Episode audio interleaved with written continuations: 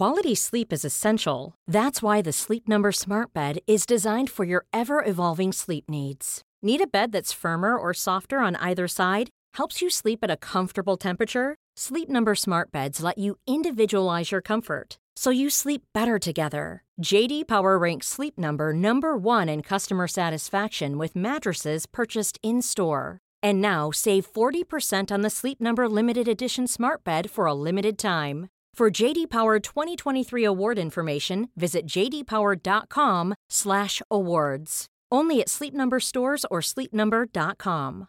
Mother's Day is around the corner. Find the perfect gift for the mom in your life with a stunning piece of jewelry from Blue Nile. From timeless pearls to dazzling gemstones, Blue Nile has something she'll adore. Need it fast? Most items can ship overnight. Plus, enjoy guaranteed free shipping and returns. Don't miss our special Mother's Day deals. Save big on the season's most beautiful trends. For a limited time, get up to 50% off by going to BlueNile.com.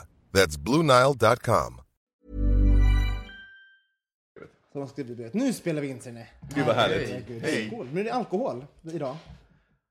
Skål på det pojkar. Bra start på en vecka. Ja. Mm. Välkomna till bögministeriet. Mitt namn är Robin Olsson. Jag sitter här med Micke Kasanovic. Ja. Och eh, säsongspremiär för Mm. Thomas Karlhed. Mm, jag känner mig lite ringrostig. Vi får se hur det går. Vi har inget med åldern att göra. Absolut inte. Yes! Tio sekunder in, jag fick redan en, en vissning på ålder. Så jävla fett. Va, Hur mår ni? Jag mår bra. Ja? Jag Ni, tycker, ja, förlåt. Jag var så här upphetsad så jag bara avbryter dig. Hur mår ni? Okej, nu vill jag prata. det är som vanligt. Eh, nej men det är väl en bra start. Det är liksom första höstdagen. Ja, det är det faktiskt. Jag gick hemifrån idag och var så otroligt mallig över att jag hade en regntät jacka tills jag upptäckte att det är jävligt dåligt att ha en regntät jacka och inte regntäta byxor. För det slutar med att det rinner ner från jackan och blöter ner nog i skrevregionen ungefär. Det var inte så skönt. Nej. Och det upptäcker du när Brukar du du vara vå- 36 år eller? Brukar du vara våt i skrevregionerna? Eh, ja, ja, uppenbarligen. Vi ska snart få en liten gäst som inte ni vet vad det är, vem det är. Är ni nervösa? Ja. Ja. ja. Okej, vi pausar tills, eh, tills gästen kommer. Puss.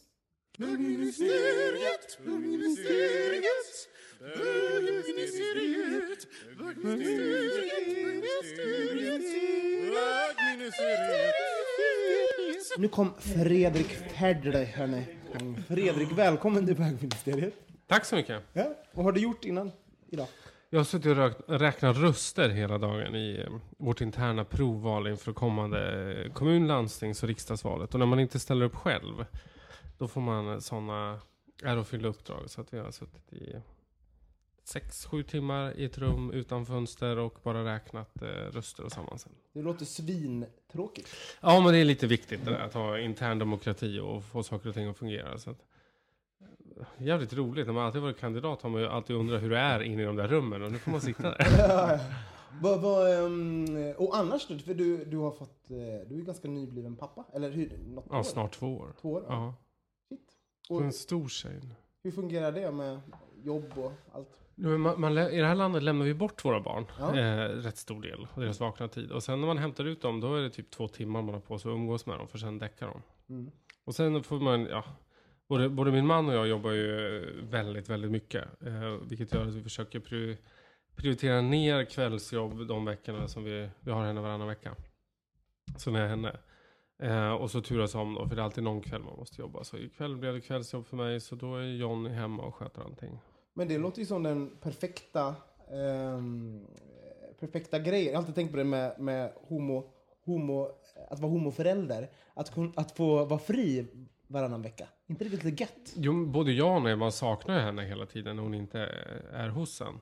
Eh, men vi har ju vetat från början att vi kommer att dela vårdnad med mamman. Och då är man inställd på det på ett annat sätt. Men eh, skulle det bli till barn, då vill vi ju att det är vårt barn. Det är ju också en lite märklig process där eftersom mamman och jag hade pratat om det i flera år. Och vi hade hållit på så här, runka kopp hemma och suga upp en spruta, lägga på liksom, bordet bredvid. Och så vill jag inte veta vad hon höll på med för Och det var, in, det var innan ni ens ville ha barn. Ja, jo, det här var ju uppvärmning. Nej, men då, då fanns inte John i mitt liv. Utan vi träffades ju ja, strax innan som hon blev till egentligen. Liksom. Shit vilken timing. Ja, och det är ju ganska stort val för honom att göra. Då måste man ju, ja men precis. Då fick jag han ställa, bara ska jag hänga med den här märkliga människan nu, plus bli farsa, fast jag kanske hade tänkt bli inom några år. Så att det är ett jävla stort eh, eh, beslut eh, han har fattat och ansvar han har tagit på sig. Hur, hur har han klarat sig då? Han klarar sig jättebra. Men jag måste fråga, det är, det är ett barn. Ett bra. Och du var så här, typ bästis med, med mamman innan. Ja, Och hon är straight. och singel. Och singel. Det är ju... Jag tror hon börjar bli redo nu om någon lyssnar. Av alla bögar där ute. Ja, precis. Alltså, fast jag har fått reda på att vi har en straight lyssnarskara. Eh, Jag har fått höra från flera straighta att de lyssnar på det här programmet. Vilket är fantastiskt. Väldigt mycket straighta tjejer. Tjejer. Så att, eh, Ja, det här var killar dessutom, så det finns en Ja potential. men bra, då finns det hopp. Oj, oj, oj. Så vad, vad heter hon? Kan, om du skulle sälja henne lite grann det här i etern. Var, varför ska man bli, bli ihop med modern till dina barn? Men jag kommer inte säga hennes namn för att hon, Nej, hon, vill, hon vill vara anonym. Och det är också en sak man måste ta ställning till om man har en lite halvkänd pappa. Liksom. Ja. Att barnet heller inte blir en mediafigur och sånt där. Liksom. Nej men hon är en charmant kvinna i sina bästa år som har en eh, snart radhus eh, i- nära oss i Mm. Tullinge. Eh, har ett fint landställe i, utanför Gnesta och hon jobbar med design. Mm. Ett kap med andra ord. Ja, tror jag alla gånger. Och så är det så här att jag tror aldrig jag har hört någon be någon annan sälja in mamman till sina barn. Nej, och jag var inte riktigt, I didn't see it coming. Men ehm, de här veckorna som ni inte har, ja, ta av dig Fredrik, Ja. här är vi alla vänner. Eh, jag har kalanka bland annat, jag har inga kläder på underkroppen. ja, Men, eh, vad, ehm, de här veckorna ni inte har eh, barn, vad, gör- hur spenderar ni dem? Blir ni som... Då jobbar vi ännu mer. Okej. Shit, så, så, enkelt. Inga bögresor till Barcelona. Nej, men däremot kan man göra resor då på ett annat Men vi har ju också tre hundar. Ja. Ja, och de måste ju ha ständig tillsyn. Och valpen, hon får ju inte vara själv någonting alls. Liksom. Vi börjar vänja henne nu med en timme i taget. men det är ju stökigt. Mm. Vi, vi liksom detaljplanerar varje dag, minut för minut, för att få allting att fungera.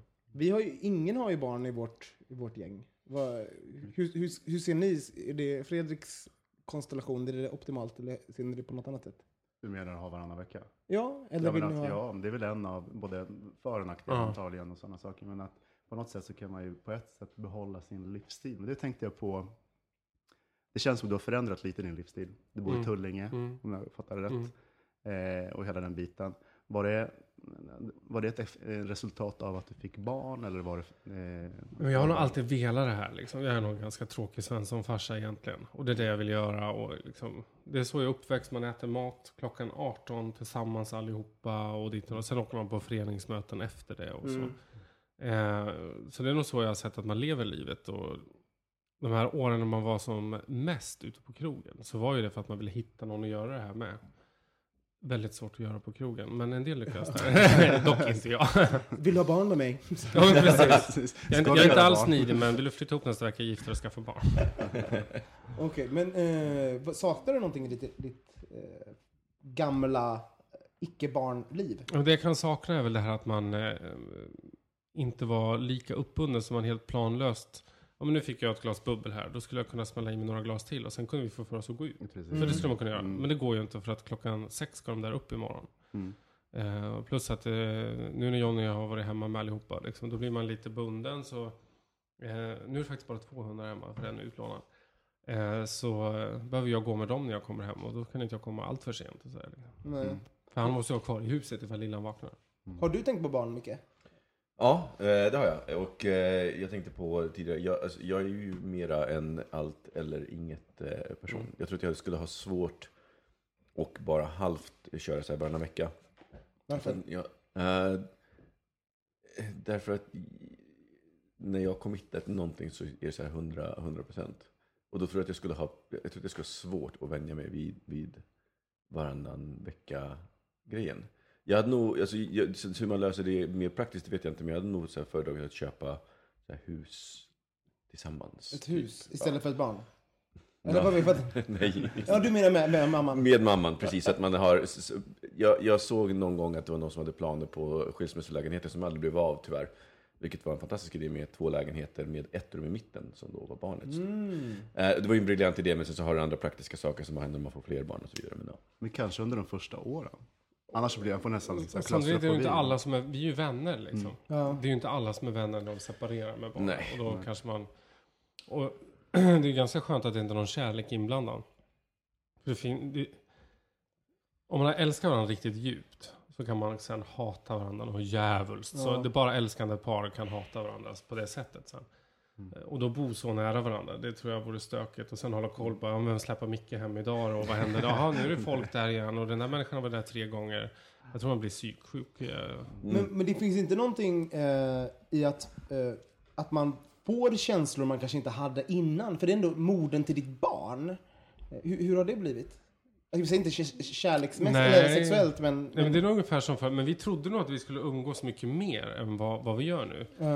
Eh, det, för det är också problemet när man har varannan vecka. Att då är då både Johnnys familj vill träffa Ida-Li och eh, min familj vill träffa Ida-Li. vi vill hinna göra saker med Ida-Li också för oss själva. Så vi vill inte bara liksom flänga runt så att alla andra får titta på henne, utan vi vill vara med henne också. Eh, veckorna försvinner ju i ett nafs. Det är ju bara äta och sen så bada och plocka fram grejer till imorgon. Och sen sl- slocknar ju hon hon är helt stenad efter dagis. då. Hur gammal är hon? 21, 21 månader. 21 månader. Eh, så det är nog lite... Hade man haft mer tid, ja.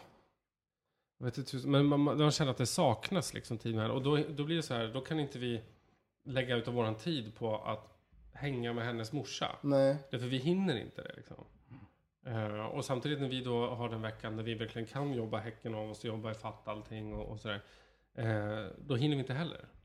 Så det där är lite moment 22 liksom. Men vi ser till att hänga så här vid överlämningar och vi mässar ju varje dag och berättar hur det är ställt med senaste dagisnuvan och sådär. Liksom. Fast jag tänkte det där att man ser, man ser, nu är jag en av dina bästa vänner, men man ser henne i din dotter.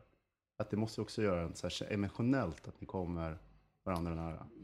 Jag vet jag ser inte... jag har nog inte funtad på det sättet tror jag. Nej. Nej, jag tror att jag skulle bli en väldigt bra adoptivpappa. För att jag, det där genetiska är inte viktigt alls för mig egentligen. Eh, och det hänger nog samman med att min, min mormor som jag älskar över allt annat, hon är inte min biologiska mormor, utan mamma var fosterbarn och växte upp där. Mm. Det ska man komma ihåg redan, eller fortfarande i slutet på 50-talet, början på 60-talet, så var det inte helt ovanligt att man lämnade ifrån sig sina barn till barnhem. För man kunde inte ta hand om dem själv, man var ensamstående kvinna och hade lätt att bli gravid och sådär. Mm. Och så var det fallet med min biologiska mormor som fick, jag tror, nio ungar och det var två som hon uppfostrade själv. Resten lämnade hon ifrån sig.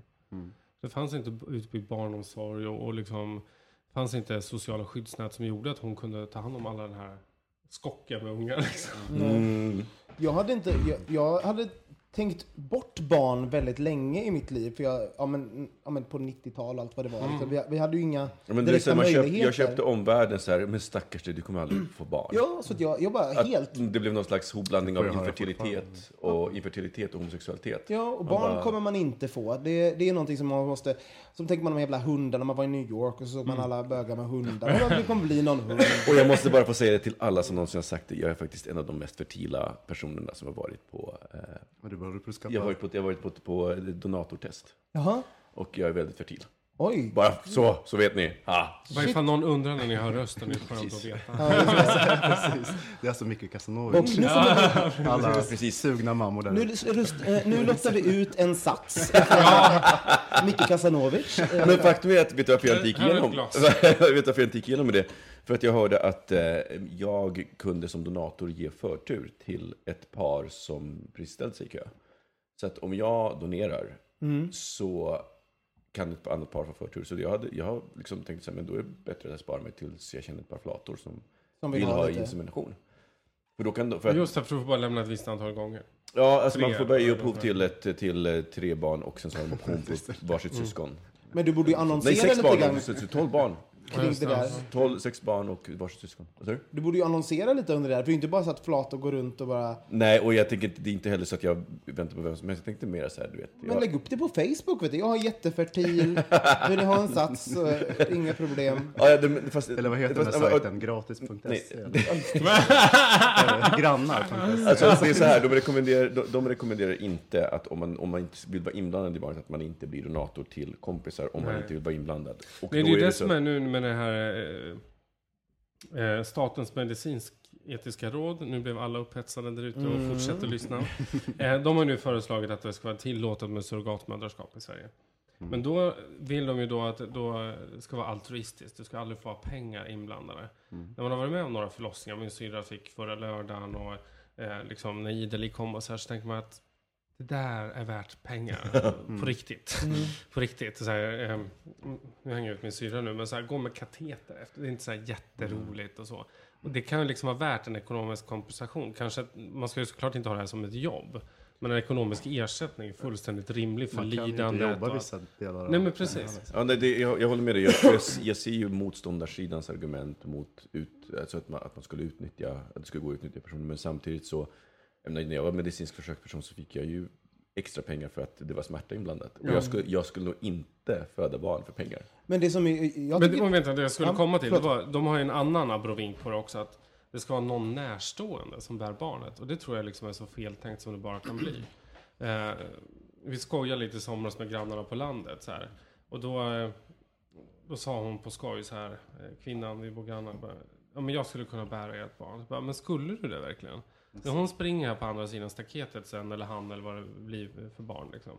Eh, och så kommer du tänka, den där har jag burit och det är mina ägg och så vidare. Så att, så, som många bögvänner har gjort när de har varit i Indien så är det mycket mer sofistikerat och det blir mer kliniskt. Man har ägget från en kvinna som man sen eh, befruktar och för in i en annan kvinna. Eh, För att liksom få bort den där typen av känsloband. Och sen har du den här unga granne. Alltså det är klart man skulle undra varje födelsedag och sånt där liksom. Men jag, jag kan reta mig att eh, jag vill ju adoptera. Mm. Det, är, det är det jag helst vill göra av allting. Men jag har inte möjlighet till det. Eh, och därför måste man då söka andra Mm. vägar. Ja, men det är så här, det, det är, man säger den andra sidan, om det nu finns några sidor, av Mm. att vi har så bra eh, omhändertagande av barn. I USA så har man jättestor inhemsk adoption. Men, Mm. men, och där får ju faktiskt bögar och flator adoptera i många stater. De har gjort det länge också. Vill du ha precis. barn, Thomas? Eh, ja, fast det är inte jätteviktigt. Nej. Varför? När jag var yngre så var det absolut att jag ville ha barn. Och det kändes som, för att bli hel, eller, så här, eller hel, det låter, jag menar, bli komplett som människa så kändes det viktigt att på något sätt få bli förälder. Det har man ju lärt sig. Eh, ja, det, det finns i kulturen, hela synen på att bli vuxen och hela den här biten. Och det kanske ligger någonting i det till viss del. Och det som händer med en att man slutar vara... Man blir lite annorlunda för det är helt andra saker som är viktiga. Liksom. Eh, och det där året man, som jag var hemma, du vet. Min mamma var glad. Bara, men gud, har du både duschat, rakare och satt på dig liksom, människokläder idag? Vad vad härligt. Men det är liksom eh, en poäng för att det, det blir dregel och du blir lerig och allt vad det är. Liksom. Då är det ingen idé att hålla på och hålla så hög fasad. Och så inser man att ja, men det spelar ju ingen roll. Och all tid som man har lagt ner på helt andra saker innan. Jag hade ju samma lön förr. Och mindre utgifter i form av lägenheten för det var billigare än huset och sådär. Men vad gjorde jag av alla pengarna liksom? Det Ja men det var krogen, det var kläder. Lite, ja, mycket, mycket sådana saker. Eh, Och, och det är inte lika viktigt längre. Nej. Det, det ser jag som en av de fördelarna med att skaffa barn. Om man ska, det är så roligt att jag säger det här, för att det handlar om, nu handlar den här kommentaren om narcissism. Men jag kommer göra, alltså, att äntligen Men man jag- måste sluta vara egoist när man får Ja, barn. men, och, sen så tänker jag det ur en narcissistisk eh, synvinkel nu. Bara, Men då kanske jag äntligen, det handlar ändå om mig att skaffa barn. Men, det, men det, så är det väl, att skaffa barn är alltid en av de mest egoistiska handlingarna. För det är ju, handlar ju fortfarande om att säga något, någonting, lämna någonting till eftervärlden. Det är ju, Jag tänkte faktiskt på det här om dagen för några år sedan, när, när, man, när bögar hade, och flator hade diskussioner om att skaffa barn, att man blev anklagad för att vara ego- egoistisk. Mm. Men när är inte vuxna egoistiska när de skaffar barn? Ja, ja, ja. Och vilket grundsyn på eh, barnskaffande. Det är ju... Nej, men det där är någon gammal det. konservativ grej som gör att om, om man, man raggar upp en tjej på krogen och gör henne på chocken, då är man inte egoistisk. Liksom. Nej. Eh, Men om man går och längtar i flera år och vill ändra hela sitt liv och inrikta allt liksom på, på en unge, då är helt plötsligt man egoistisk. Och det, Mycket oklart för mig. det är Jag tror att efterlängtade barn har det bättre än oönskade barn. det är roligt att man skaffar barn för en egoistisk anledning, men sen så konsekvensen blir att man inte alls har tid för någon form av egoism Nej. Och det, det är det som egentligen borde vara den stora diskussionen. När man pratar ensamstående kvinnors rätt till insemination. Den, den diskussionen är ju helt vrickad. För att det är klart de ska ha rätt till det, punkt slut. Men vad man egentligen borde prata om är ju på något sätt, och det är inga lagar eller regler, men det är att förbereda kvinnan på, men när det är sjukt jobbigt, när både du och ungen har influensa. Det är inte roligt. Alltså, du är helt knäckt själv. Ungen är designad för att knäcka dig när den är sjuk för att få sina, för att få sina behov tillfredsställda. Men jag tänker att det är, ju, det är ju väldigt konstigt med tanke på att man ändå får adoptera som ensamstående. Då blir man ju utredd och att man liksom där ser Ja. att det finns ett skyddsnät runt Ja. omkring som kan hoppa in. Eh, jag, Men bara någon som får komma iväg ibland och få liksom gå, om man har kvinna, gå och klippa sig och vara en stund för sig själv. För man har ju ingen sån tid. Särskilt om man är själv. Och ibland behöver man det. För, och sen när de är väldigt så här, om det är pappiga eller mammiga. Då kan man ju bli knäckt. För det är så här, du får inte gå på toaletten själv. För då får du en Du separationsångest. ska, jag, ska, jag ska gå ut, gå, eh, vara lite provocerande och säga att jag tror att, det var, jag tror att det var de bästa sakerna för mig var att min mamma var ensamstående. Alltså så här rent ur ett rent egoistiskt perspektiv. För att jag... Det var ju för att du kunde vara så horig när du var 13 och ingen Jag har hört de där Det också. Eh, men det började, det började redan innan dess Robin. Eh, Inte horigheten, men, men eh, fördelarna med det. Att jag blev så självständig. Eh, för att jag fick göra så mycket. Och jag, det har hjälpt mig mer än något annat i livet. Att jag inte är rädd för att ta initiativ. Och jag vet att jag, att jag kan börja... Jag, jag kanske snarare så att, att jag har mer tilltro till min förmåga än vad jag egentligen bör ha. Att jag, Du sa förut Fredrik eh, om att man i, i Sverige lämnar man bort sina barn. Eh, så, som man gör, det vi har i dagis så väldigt bra. Men det är jätteviktigt, annars skulle vi inte kunna jobba. Nej, precis. Hur var det för er när ni var, när ni var barn? Var ni, var ni ensamma eller hade ni föräldrar där hela tiden? Jag Eller- hade allt. Jag menar, börja med hemmamamma, dagmamma, lekis, dagis, fri, allt. Du hade folk hela tiden runt dig? Nej men alltså jag hade provat alla. Ni. Ja. Eh, så att det, men det var ju, jag menar jag tror att för mig så var det, nu börjar vi prata om dagis här, det kanske inte är. Jo, Nej, men alltså, men lag, för mig så var det jätteviktigt, för jag var ganska känslig och lite sådär eh, blyg. Och jag blev en helt annan människa av det. Så att, eh, just den här socialiseringen, tränandet med andra. Eh, Så gör man ju med djur. Jag tror, jag tror Man släpper dem ut med massa andra Ja, ja. Barn. alltså, man pratar, pratar, bruk- bruk- brukar prata ibland liksom att förbereda samhällen för kunskapssamhälle. Så det börjar i förskolan Mm. på en gång. Och det kan göras med lek, det behöver inte bli som i Sydkorea på det sättet. Men att för mig så var det väldigt bra. Det var bra. Mm. Var, var, var ni en sån där? Boys? Nej, men, morsan Eller- jobbar natt och, och pappa jobbar dag, så de växlade ju liksom i dörren. Mm. Eh, och sen var det några dagar i veckan som eh, mamma behövde sova. Då fanns kyrkans barntimmar, då fick morsan lämna mig där och sen så hem. Och några dagar i veckan när, när det körde ihop sig extra mycket och det inte funkar med kyrkans barntimmar så var det eh, kom mormor eller farmor eller något sånt där. Så att jag gick inte på någonting innan jag började skolan. Shit. Men det är, det är ganska ovanligt ändå, är det inte det? Eller, Det är mycket vanligare på landet eh, att man löser det, för det finns inte dagis ute på vischan överallt. Nej. Liksom. Eh, och då får man liksom hitta sätt att knåpa ihop det sådär. var det, eh, hur var det för dig att kom, komma bland massa barn helt plötsligt? Nej. Nej men vi var ju alltid väldigt sociala så det var väldigt mycket barn. Och kyrkans barntimmar, det fick man ju den här träningen liksom. Ja. Det hade nog varit annorlunda om jag hade varit hemma med mina föräldrar hela tiden. Det hade nog blivit annorlunda tror jag. Jag, det har jag tänkt på med folk, som- barn som blir hem, hem homeschooling. Har, har du pratat med mig förut någon gång? Att det, det, bara, shit, det, jag tycker att det är lite läskigt. att det, ja. Att man är väldigt mycket utlämnad åt, åt föräldrarnas godtycke i det fallet. Ja. Va, jag, jag var ju nyckelbarn när jag växte upp. Det tyckte jag var, och var, så jag hade liksom den här lilla nyckeln runt halsen. Hade du det på riktigt? ja, jag hade nyckeln runt Jo men jag fick.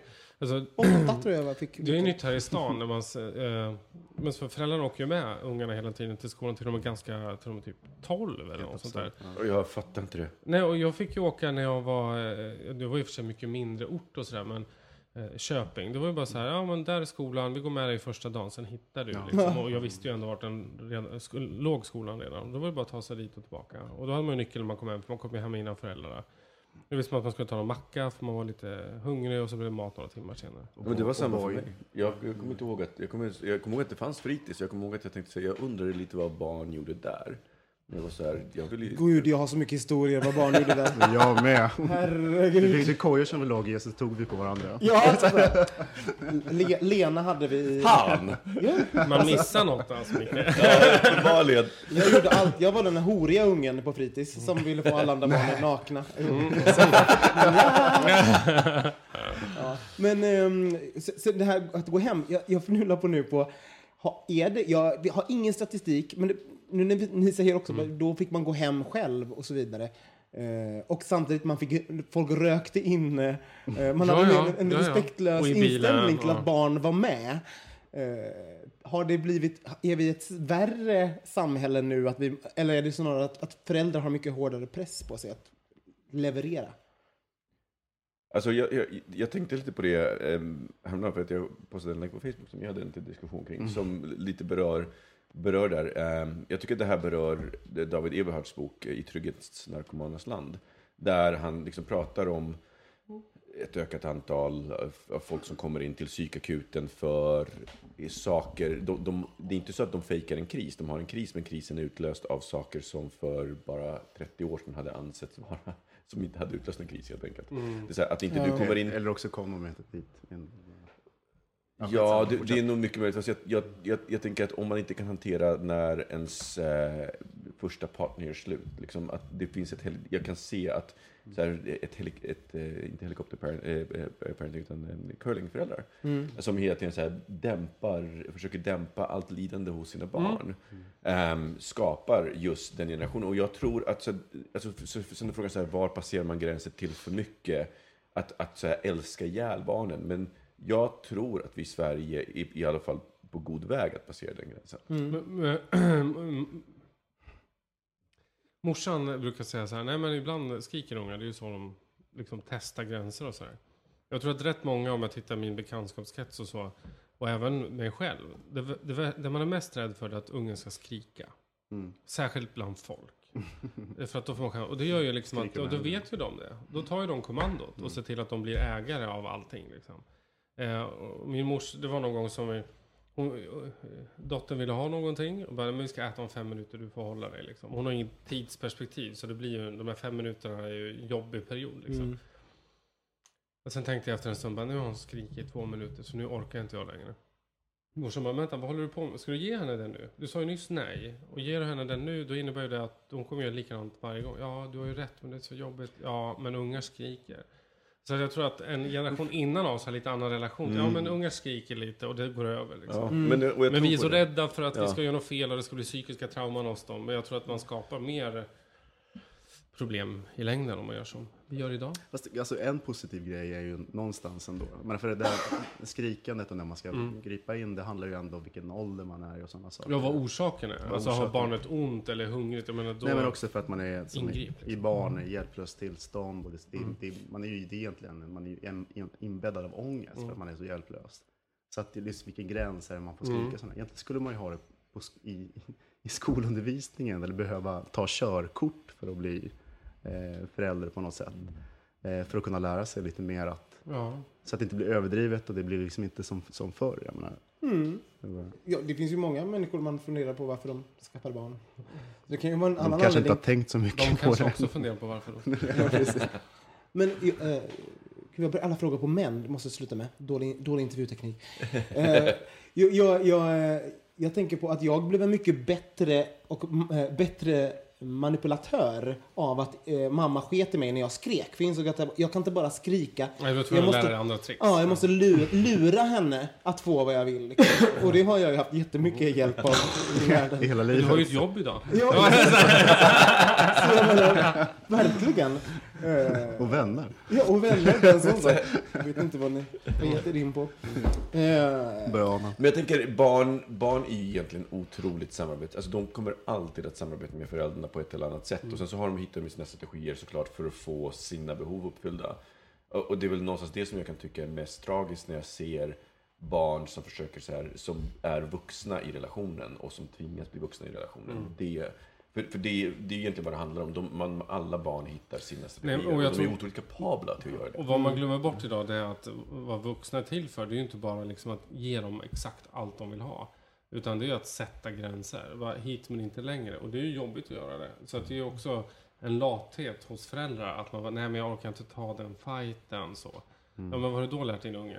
Eh, Att alla gränser går att tänja Men ex- helst. Man kan bete sig precis hur som helst. Och jag tänkte på Och det, jag känner Eberhard lite, men jag har inte läst hans bok. Men jag anar att det ungefär är hans teori. Ja, men också. absolut. Ja. Han pratar mycket om också... Han också brukar vara väldigt.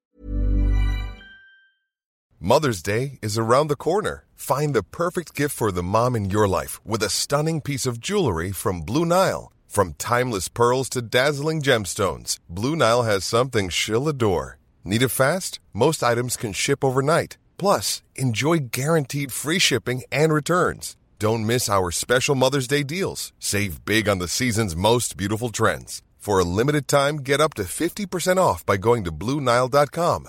That's BlueNile.com. Hey, it's Danny Pellegrino from Everything Iconic. Ready to upgrade your style game without blowing your budget? Check out Quince. They've got all the good stuff shirts and polos, activewear, and fine leather goods, all at 50 to 80% less than other high end brands. And the best part? They're all about safe, ethical, and responsible manufacturing. Get that luxury vibe without the luxury price tag. Hit up quince.com slash upgrade for free shipping and 365 day returns on your next order. That's quince.com slash upgrade. There's never been a faster or easier way to start your weight loss journey than with PlushCare. PlushCare accepts most insurance plans and gives you online access to board-certified physicians who can prescribe FDA-approved weight loss medications like Wigovi and Zepbound for those who qualify. Take charge of your health and speak with a board-certified physician about a weight loss plan that's right for you. Get started today at plushcare.com slash weight loss. That's plushcare.com slash weight loss. plushcare.com slash weight loss.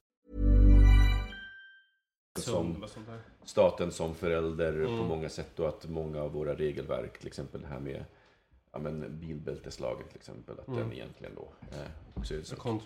Men något som jag tänkte på det var att jag insåg när jag jobbade på Hyper Island att jag var världens största curlingförälder och verkligen liksom så här misstog att så här, knyta skosarna för dem för, för att verkligen så här, hjälpa dem. Och det var en av de jobbigaste sakerna. Jag gick faktiskt i KBT för att sluta det här är ju vuxna göra människor. sådana saker. Vad sa du? Det är ju vuxna människor. Det är vuxna människor och jag gjorde det ändå. Ja, men Fattar det, vad jag hade gjort det, är bara för att du ville bli omtyckt. Det är liksom- Ja, men det, vad tror du jag hade gjort med barn? Jag hade, men tänk om ett barn hade börjat här- skrika på mig. Jag hade ju bara, Men det- det- jag vill ha, vill ha pengar. Vad vill ha? Nej, men det är väl själva definitionen av en björntjänst egentligen. När man tror att man hjälper sitt barn genom att alltid knyta skorna åt det. Och sen en dag är det i skolan och blir retad för den har inte lärt sig knyta skorna eller tagit av sig skorna på en plats där alla bara förutsätter att ungarna kan det för de är så stora. Ja, men exakt. Och, det var, alltså, och jag kommer fortfarande ihåg den ångest det skapade i mig när jag satt där och jag hade svaret på frågan och jag fick inte ge det. Utan När bara fick ni börja stryka och ta hand om tvätten hemma? Oj, gud. Ja, det, det var en sån sak som jag lärde mig eh, manipulera, att slippa. Ibland Min mamma var ensamstående och jag, jag eh, då var jag sån, sån så här... Eh, Du an, pratade utnytt- ut med din mamma om det här. Ja, verkligen. Vi har pratat jättemycket. Men, och, och, min mamma, hon, det är svårt att få henne att inte prata om saker. Om man. Ehm, Men jag, alltså. jag, fick henne, jag spelade på hennes dåliga samvete att hon inte hade tid liksom, Mm. att vara mor. Så att då fick jag henne att göra de här grejerna. Men, Eh, och så vidare och så vidare och så du är ett svin. Jag var Ja. jättesvin var jag. Jag har verkligen... Ja, jag, förlåt mamma. Verkligen. Eh, hur, hur, jag tycker att en av de sexigaste sakerna som finns är pappor. Har du märkt, har du märkt en ny... Har folk... Ty, tycker de att du är hetare nu än innan? Alltså där ute i Tullinge så det är inte den typen av relationer man har med sina grannar. Och jag är liksom, det är nog tre år sedan jag var på något så här discoställe. Jag har varit på Naglo en gång. Eh, här i senare år efter födelsedagskalas. Men det gick liksom inget bra. Fast jag tänker typ när, när, om, ni, om ni någon gång går på stan. Och så har ni delar med i, Du i måste typ ha haft barnvagn och sånt. Och Men jag har ju knappt varit på stan. mm. Men du måste testa, tänka ett på det nästa gång. Om du går ut med ladorna eller vad du nu Nej, men du vet alla har ju ungar där ute. Ja. Så, Så det är ingen, det är ingen, Så du det måste ingen göra ett öst- test. Ni Nej, måste alltså åka in Men jag håller med dig alltså. Det var, det var min favorittid att åka. Gärna kring 10 på förmiddagen. Mm. Tvärbanan. För att då kom alla lattefarsorna ut och liksom så, i Sjöstan. Vi bodde där. Det var trevligt. Så jäkla... Jag har en sån... Jag har ett sånt extremt sexuellt minne, vilket är så konstigt för att det är ändå barn inblandade. De hade ingenting med saken att göra. De, nej men... Wait for it. Nej men, jag är inte här. nej men pappan, pappan kom på en spårvagn, jag var så här 22, och det var den vackraste man. Han var så snygg så jag höll på att dö. Lite så här... Lite skäggig, lite nonchalant, såg ut som han inte riktigt hade hunnit dusch, duscha och var så snäll mot sina barn. Jag sket helt i ungarna, de var bara de var, de var en scenografi för den här mannen. Och så, och så tänkte jag så här, och så insåg jag vad det var jag gick igång på och det var, jag vet nog vad du har gjort. För att få de där barnen. Alltså det fanns någonting så att jag... Att jag Är du Du har allvarlig? Ja. stoppat in den. Nej men typ så att, att, att, det- att det fanns en så här, han, han var kapabel, han var en, en, en eh, Jag trodde du var att han var... Fertil! han var Fertil. Alltså på något sånt, det var någon så här, gud, fertiliteten som bara, jag bara, om jag hade haft livmod, en livmoder hade liksom gjort skutt på något sätt. Jag bara, åh gud vad Eh, Och då, det var första gången jag insåg, gud vad sexigt det med pappor. Sen behöver jag inte, sen kan Jag trodde det var för att han visade sin känslomässiga sida. Ja, men det är ju det som- Ja, men det hör ju till också. Han kunde vårda det här Ja. även. Eh, inte nog med att han, han ibland använde sin penis, ibland så han kunde även vårda det han- som var konsekvensen. Eh, Tycker ni pappor är snygga mycket, Thomas? Ja, jag menar det finns ju... Det, det, det är en viss smak, kan Ja, man säga. men, vi såg ju en del senast i Thailand. Ja, vad det, Det ja. visste jag. Gud! Le Français. Åh, han var så snygg. Jag pratar om, om pappor, för jag, jag tror att jag så här, länge... Jag har nog bara börjat tycka att pappor är snygga på riktigt sen de senaste fem, fem åren. Innan dess så, hade, så, så var det inte så att jag tänkte extra mycket på att det var en pappa, men jag vet att när jag var yngre så tänkte jag nog extra mycket på att det var en pappa. Men då tror jag att jag också förvirrade med så här, ja, men du vet det här omhän, att vilja bli omhändertagen, du, hela det här att inte Du ville en ha en fadersfigur. pappa. Ja, men för så både här, du och jag är ju vill, lite- jag, vill jag ha en pappa eller vill jag ligga med honom? Och, liksom, och det var så otroligt konstigt. Ingen får citera mig på det där, utan att ta det i sitt sammanhang. Men vadå, det är väl... Skojar du? Det är klassiskt. Ja. Men, men eh, och, och det, det var extremt förvirrande när jag var, när jag var yngre. Just det här att, att inte kunna separera dem och inte riktigt heller vara medveten om det. Det är först i efterhand som jag egentligen bara kan se men jösses vad förvirrad jag var. Va, va, hur... eh, ant, jag, ant, eller så här, jag vet väl att du inte skaffade barn för att bli sedd som en sexsymbol. Eh, men kan, kan du så här... Då hade jag ju tränat under tiden jag var hemma och inte bara ätit kan vi säga. Just och kanske på, tagit på dig människokläder som ja, du sa. ja, precis. Va, vad gick du klädd? Nej men jag hade ju så här, alltså, de här sunkiga mysbyxorna som vi alla har hemma, erkänn. Ja. Men det Ja, my. God, Ja, älskar det. Favorit. Så fort jag kommer in så drar jag på mig och det mitt, mitt värsta par, de ärvde jag efter morfar. Efter tio år så hängde de knappt ihop. De var så söndertvättade och morsan hittade dem bara, men för i helvete unge, vad har du? Ja, men så. Har du kalsonger på dig i... Ja, ja, ja, ja, ja. Ja. Och särskilt när man är hemma med barn. Särskilt om de är sjuka. För det är ju inte alltid så att du får sätta ner barnen bara för att du ska gå och göra dit på toaletten. Ah. Då tänker man så här. Johnny är hemma om några timmar, då ska jag duscha så att det verkligen blir rent. För jag är inte säker att det blev det nu. Ja, vi- jag Och sen, jag har ju liksom i, under hela tiden jag gått hem, alltså, eh, då hade vi då två hundar. Eh, två hundar och en unge som står och tittar på när man är på toaletten. Mm. Varje gång. och, och det här att få, när man sen kommer tillbaka och jobbar och får äta lunch. Men, jag kan sitta kvar här. Jag hade alltid så bråttom iväg från lunchen för att komma in på kontoret. Jag så bara, "Nej, men nu ska jag bara sitta med en kopp kaffe för att... Mysa kan. lite. Ja. Ja. Hur, eh, du bara slog mig du när du sa det där att- barn tittar på föräldrar när de är inne. Jag har jättestarkt minne hur jag tittar ner i toaletten när min pappa Ja, ja, ja. kissar. Ja. Och så var jag så här, det blev så mycket skum när han kissade. Så jag var så här, Nästan det- så här ritual. Ja men så här, jag bara, åh gud vad mycket. Så kommer jag ihåg att när jag kissade så försökte jag också att det skulle bli massa skum när jag kissade. Men det blev ju inte lika mycket skum. Och det var, jag kom, det, det tittade jag på i åratal. När blev jag man? När blev jag man på något sätt? Det var när jag fick tillräckligt mycket skum av mitt kiss i toaletten. Ja. Gud, jag har inte tänkt på på så många år. Det är så skönt att du delar det med oss nu. Ja, dela med mig av allt. Jag undrar lite grann om hur, är, hur mycket flört är det i, eh, på, din, på din arbetsplats, riksdag och allt vad det är? Och, ja. Ja, det där är nog lite tricky. Jag upplever att det är noll och intet. Mm. Men så vet man att en del blir ihop, så det måste ju pågå liksom. Men jag tror att vi som är lite yngre i det där huset, eh, vi är nog under radarn för det där flörtandet. Alltså, Mhm. tror jag. Hur menar du då? Jag tror att det är de som är lite äldre, för de blir en, liksom en spänning i att eh, komma till Stockholm och eh, det är andra människor än man annars träffar och man har haft längre relationer så att det kanske Ja, det kanske har gått lite stå och det kanske är lite lättare att bli betuttad i någon man jobbar nära med då. Mm. Vi som är lite yngre, vi ska hem till våra nybildade familjer så vi hinner ju inte hänga med dem på kvällen och sådär. Min första period i riksdagen frågade jag faktiskt Kerstin Lundgren som eh, är ledamot från Södertälje. Hur gör du med de här sociala grejerna? För de flesta i riksdagshuset, de bor ju i någon helt annanstans. Ja. Och bor här då tisdag, onsdag, torsdag. Och det blir ju också ett märkligt liv när man är borta från familjen och allt. Och så allt är färdigt vid onsdag kväll. Då kan man antingen gå och sätta sig på kontoret igen eller så har man något möte inbokat med någon middag. Något seminarium. Eller så, så här, nej men ska inte vi hänga ikväll? Och där tror jag, för det blir liksom lite så här internatsmiljö. Ja. Och då tror jag det är ganska lätt att det tänder till. För det är man ju aldrig, an, det är inga andra familjer som umgås så intensivt med andra vuxna människor eh, så mycket. Så då tror jag det är lättare att det tänder till. Vet man vad som händer på internat? Ja, har du haft en, har du haft en, eh, eh, har du flörtat med någon i riksdagen? Nej. Nej. Nej. Har du spanat in någon då? Ja, ett par. Ja. Men eh, det är inte riktigt... Eh, Läge kanske? det är lite fattig jordmån. Har du, Thomas, du jobbar ju på eh, Socialdemokraterna. Vad, eh, har, har du flörtat med någon på i politikens korridorer? Men är du på riksdagen? Ja, jag jobbar i riksdagen. Ja. Mm.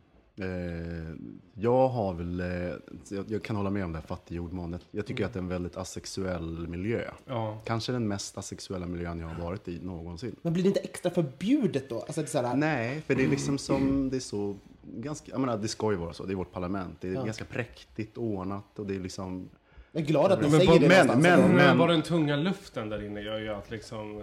ja, men det är, det har väl hänt att jag har sett någon snygg vaktmästare klä, Alltså, jag tänker- klä om i vårt gemensamma omklädningsrum för gymmet. Ja. Det är så att det, ja. Men jag tänker, det är ju det, det, det är ju förbjudet på ett annat sätt än kloster. Det finns ju en anledning till att det inte görs porrfilmer om så här svenska riksdagen, medan det görs, porr, görs porrfilmer om Men det görs i kostymporr och sånt. Det gör, alltså, menar, Ja, fast då är det mera business. Det är ju väldigt sällan som det är så här, åh, du är här. Men det, det, var, det var ju förra perioden. Hur länge har du varit på riksdagen? två år. År. Ja, men då missade de bästa vakterna som var... De, de, man bytte vaktbolag. Det har börjat nu.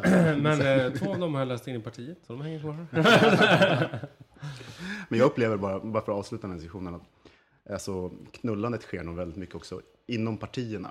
Ja, ja, ja. på partifester, Ah. liksom att, eh, man brukar säga att alla har legat med alla liksom, i, eh, i sossarna. Det kan nog stämma.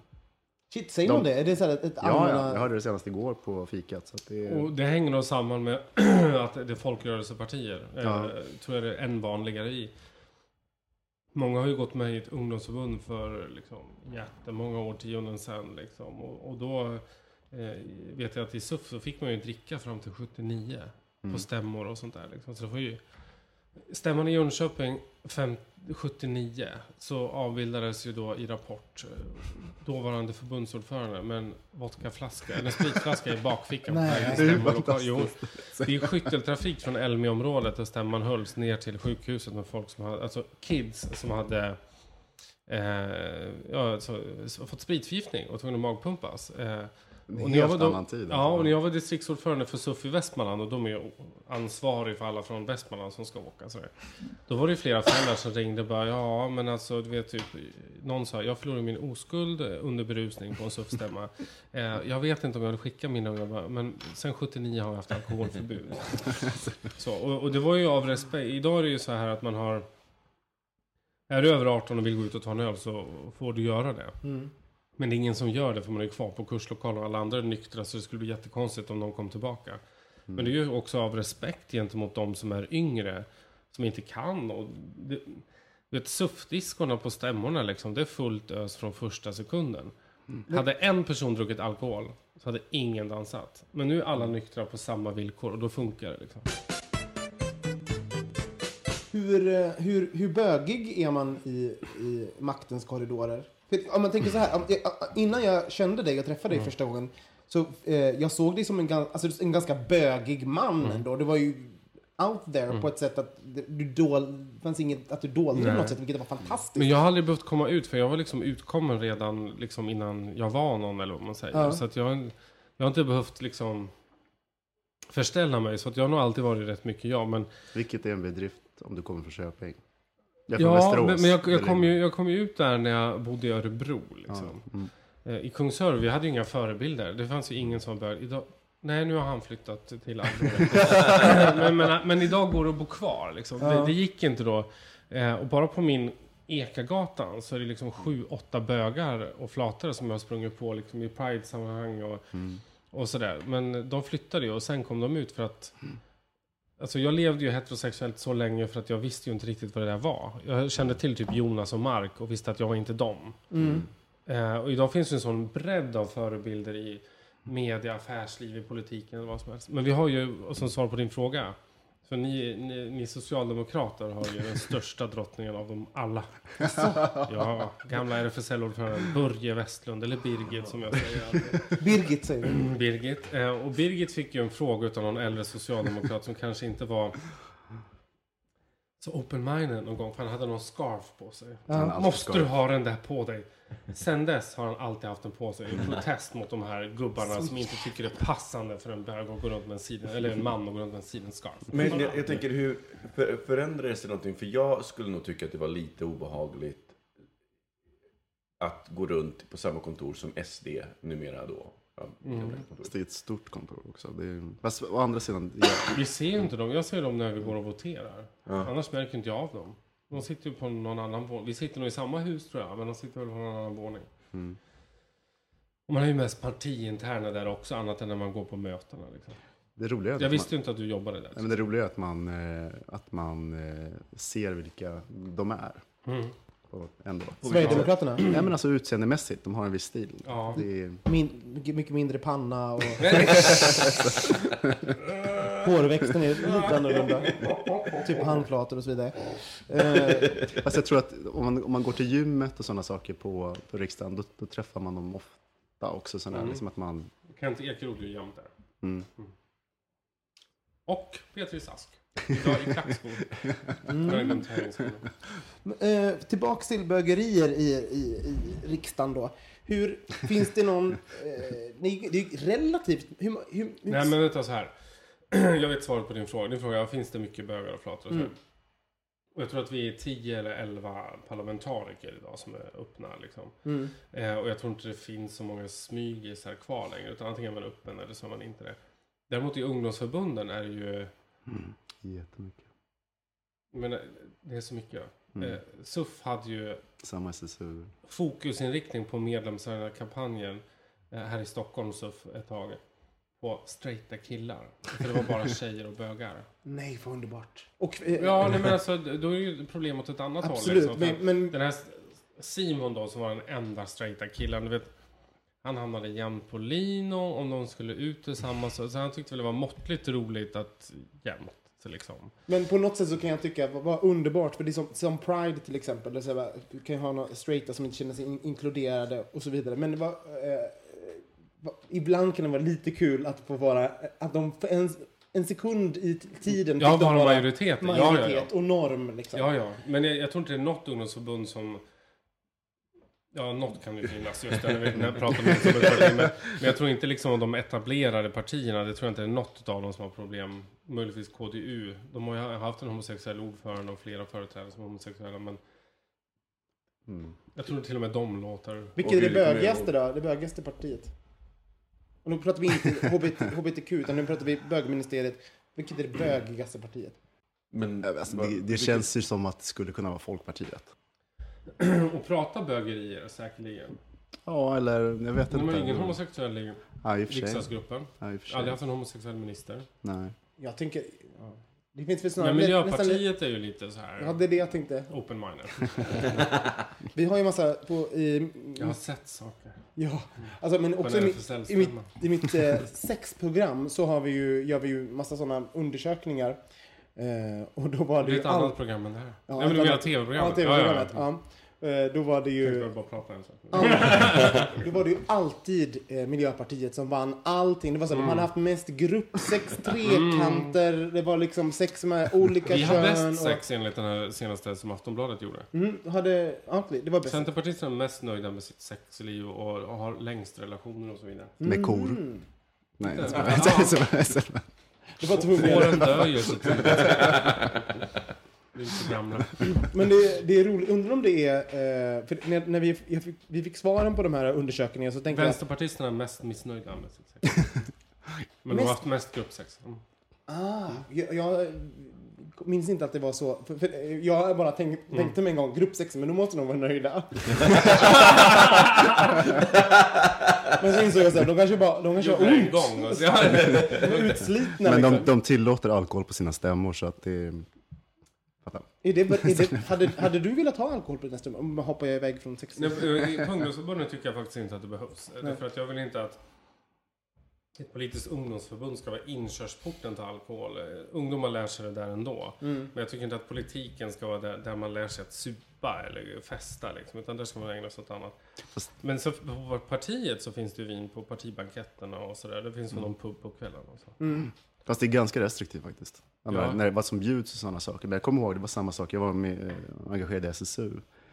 Men det var- ju MUF under den tiden. De körde ju på De körde spritfester fest, ja, och rekryterade hur Ja. mycket som helst. Så det var ju, och det var inte 18 år där. Utan Nej, det nej, var nej. liksom, eh, det var legendariska fester. Jag kommer ihåg att det kändes så här, inte helt rättvist. Att få folk intresserade för politiken. I den åldern också när det kanske var här 50 spänn i entré så får du vara på fest med de hippa och det är sprit och grejer. Och jag tänker, det har man väl betalat för efteråt. Det är väl ganska många som droppar av sen. Jag tänker att det är så här tillfällig fas. Fast jag tror som strategi har det ju funkat. Alltså, det är rätt många av de där som har... Kids som vill in på festen är oftast ganska driftiga. Mm. Och de har liksom fått ett gott öga till Moderaterna och det där hänger i idag när de är Man bygger en relation Ja. och sen identitet och sen rullar det på. Liksom. Men jag tror, har de inte skärpt sig lite där i alla fall? Säkert. På, var- då på 90-talet då var det bara där de levde på kan jag säga. Mm.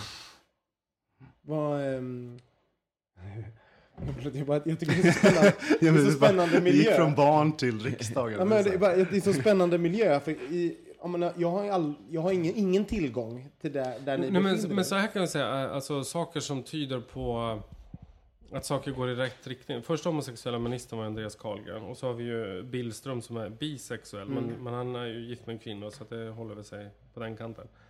Men Andreas Carlgren är ju gift med Thomas Harila sedan många år.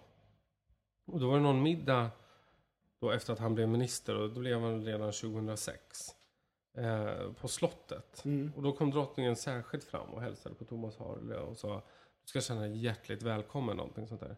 Och de där signalerna är ju superviktiga för då har man ju brutit barriären som nu kronprinsessan gjorde ordentligt på Gaygalan. Verkligen. Och alla som stod där och jublade och var lyckliga och liksom, det tog aldrig slut. De var ju inte royalister. Nej. Men man är glad för att nu har liksom statschefen med familj och vi har ändå det här systemet. Det var ju den sista bastionen egentligen som, som äntligen öppnade sig. Och det var ju det som var glädjen hos folk där liksom. Tror, går det att vara politiker idag och smygis? Kan, kan man vara det? För det finns ju, sker ju väldigt Det mycket i, fin- an, det- i det finns, andra länder. Jag vet någon sådär, men det... vad jag ska säga. Men det finns liksom ingen anledning för partiet kommer inte fördöma det. Det är Nej. KD och SD kanske det Det är kan nog, vara det problem. är, men herregud, man har ju varit på kongressen och liksom, har man ju sett eh, folk som bor på landet. Mm. Där kan det vara annorlunda. Ja, men alltså folk som jobbar i kommunalpolitik, landstingspolitik och kanske eh, gifta och hela den biten. Det, det finns smygisar, det, det gör det. Kukdrift som Micke Kasanovic eh, myntade för några år sedan. Fast det är inte nödvändigtvis att de har kukdrift. Det kan Nej. bara vara så att de är smygisar. Ja. Kan någon förklara det här lilla begreppet? Kukdrift är när man egentligen då inte är em- emotionellt attraherad av killar då i det här fallet. Man, kan, Man gillar könet. Ja, men det är lite så här, det är fokus på, på, på det är sex och så. Jag, jag kan, kan tänka mig säga bisexuell light. Att man liksom är på Mhm. Man bryr sig inte så mycket riktigt- om vad man stoppar in. Ja, men lite, in. ja. lite så. Och lite så här att det kanske är lite förbjudna som attraherar. Och, men att man liksom har så långt till att känna någon slags Aha. emotionell. Ja. Och kanske till och med också att man förbjuder, alltså, så att, att det är så tabu så att man kan inte tillåta sig att känna det. Men, ja. Men sen finns det ju undantag. Min gamla hemkommun Kungsör så hade ju... Eh, jag satt i socialnämnden länge där. Eh, tillsammans med en man som då heter Göran Nilsson, eh, socialdemokrat. Som idag fortfarande tror jag är ordförande i socialnämnden. Men som under tiden i, i lite högre ålder har bytt kön och idag heter Görel Nilsson. Mm. Och det är ändå ganska tufft. Alltså på en mindre ort, ort och han har fått spö på gatan hemma i Kungsör och sådär. Och, Eller hon har fått spö hemma på gatan i Kungsör. Eh, och att vara socialnämndsordförande innebär ju också att eh. Ja, du är en offentlig person plus att du ska hantera en del ganska tricky situationer och fatta ordförandebeslut om omhändertaganden och sånt där. Eh, och jag har liksom ingen politisk bedömning så annat än att det är liksom tufft att han har stannat kvar som Folk- Görel och Mm. liksom Eftersom folk blir förbannade på honom. Ja, och jag vet ju hur det snackades i början det och sådär. Men idag är det Görel. Liksom. Mm. På grund av att Görel har varit där. Stay put, tog fighten, var sig själv. Mm.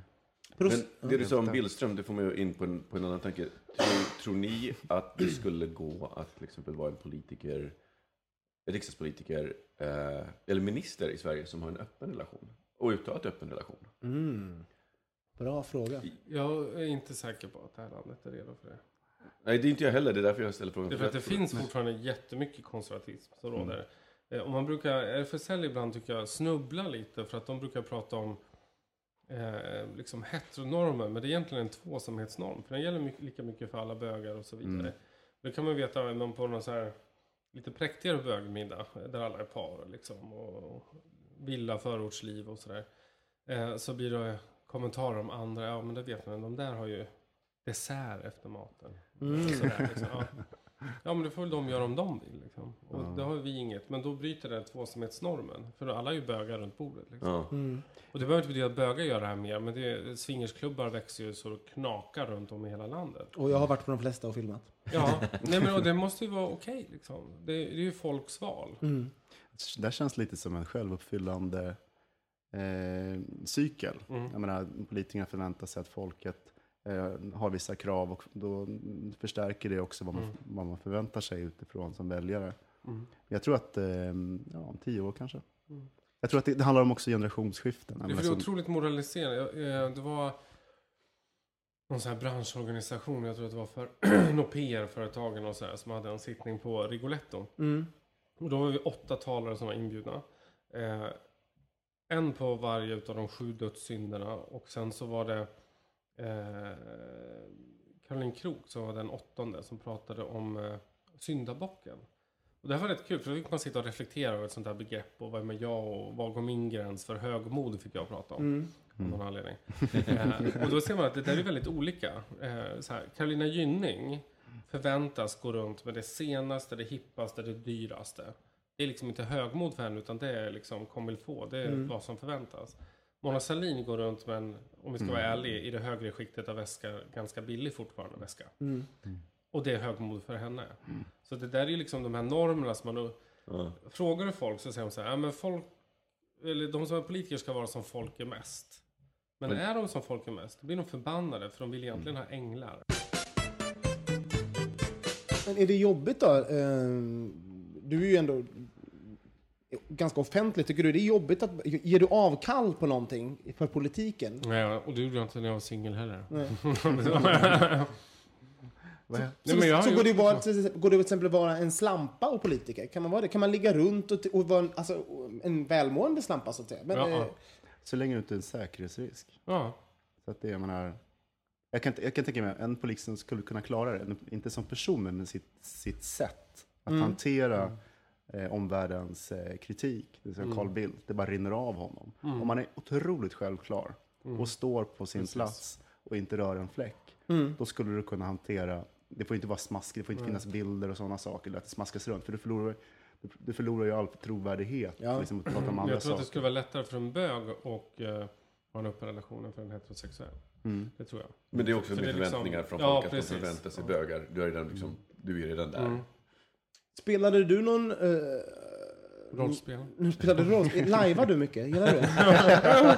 För övrigt den, det roligaste hobbyn ever. Jag eh, fantiserar mycket om live. Jag tycker det är så roligt. Jag vill så gärna bara dyka in i den Vad menar du med live? Live? Men du vet såhär, folk som springer runt och Ja, ja, ja. Ja, jag vet. Jag tänkte, Jag jag tänkte vad velat du hade för definition av live. Nej, inte fantasier så, utan bara så här... Tänk oss... Alltså, jag, hade, jag, hade, jag hade faktiskt en väldigt, en väldigt snygg eh, kompis på gymnasietiden som lajvade. Eh, och jag kommer ihåg att jag bara insåg vilken ursäkt det var för dem att leva ut allehanda fantasier. Skojar du eller så här? Och jag var så här, där vill jag ju vara. Ja. En ork och en krigare. Herregud. Jo men, ehm, har du Om din spelat karaktär ska ligga med min nu. så här, du är inte bög egentligen, men du spelar en bög och sen så, ja. Råkar, jag ligger här och du råkar snubbla. Fredrik, vad underbart att du var Det här. var jättetrevligt. Mm. Och skönt att komma ur den där lilla skrubben jag har suttit i. Och nu ska du krypa tillbaks, bli kräkt på lite grann Ja, och, precis. och, och så vidare. Och Micke, och Thomas. Alltid lika kul. Väldigt härligt. Nej, det var toppen. Och grattis Thomas till din eh, återkomst för den här säsongen. Ja, tack. I tack. bögministeriet. Herregud. Känns stort. Ja. Vi ses nästa vecka. Hej då! Hej då! Hej.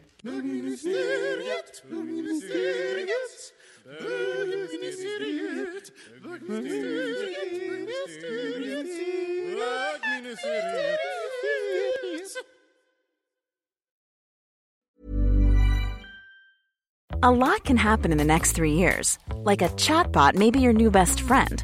But what won't change? Needing health insurance. United Healthcare Tri Term Medical Plans are available for these changing times. Underwritten by Golden Rule Insurance Company, they offer budget friendly, flexible coverage for people who are in between jobs or missed open enrollment. The plans last nearly three years in some states, with access to a nationwide network of doctors and hospitals. So, for whatever tomorrow brings, United Healthcare Tri Term Medical Plans may be for you. Learn more at uh1.com. Imagine the softest sheets you've ever felt. Now imagine them getting even softer over time. That's what you'll feel with Bowl and Branch's organic cotton sheets. In a recent customer survey, 96% replied that Bowl and Branch sheets get softer with every wash. Start getting your best night's sleep in these sheets that get softer and softer for years to come. Try their sheets with a 30-night guarantee. Plus, get 15% off your first order at bowlandbranch.com. Code BUTTERY. Exclusions apply. See site for details.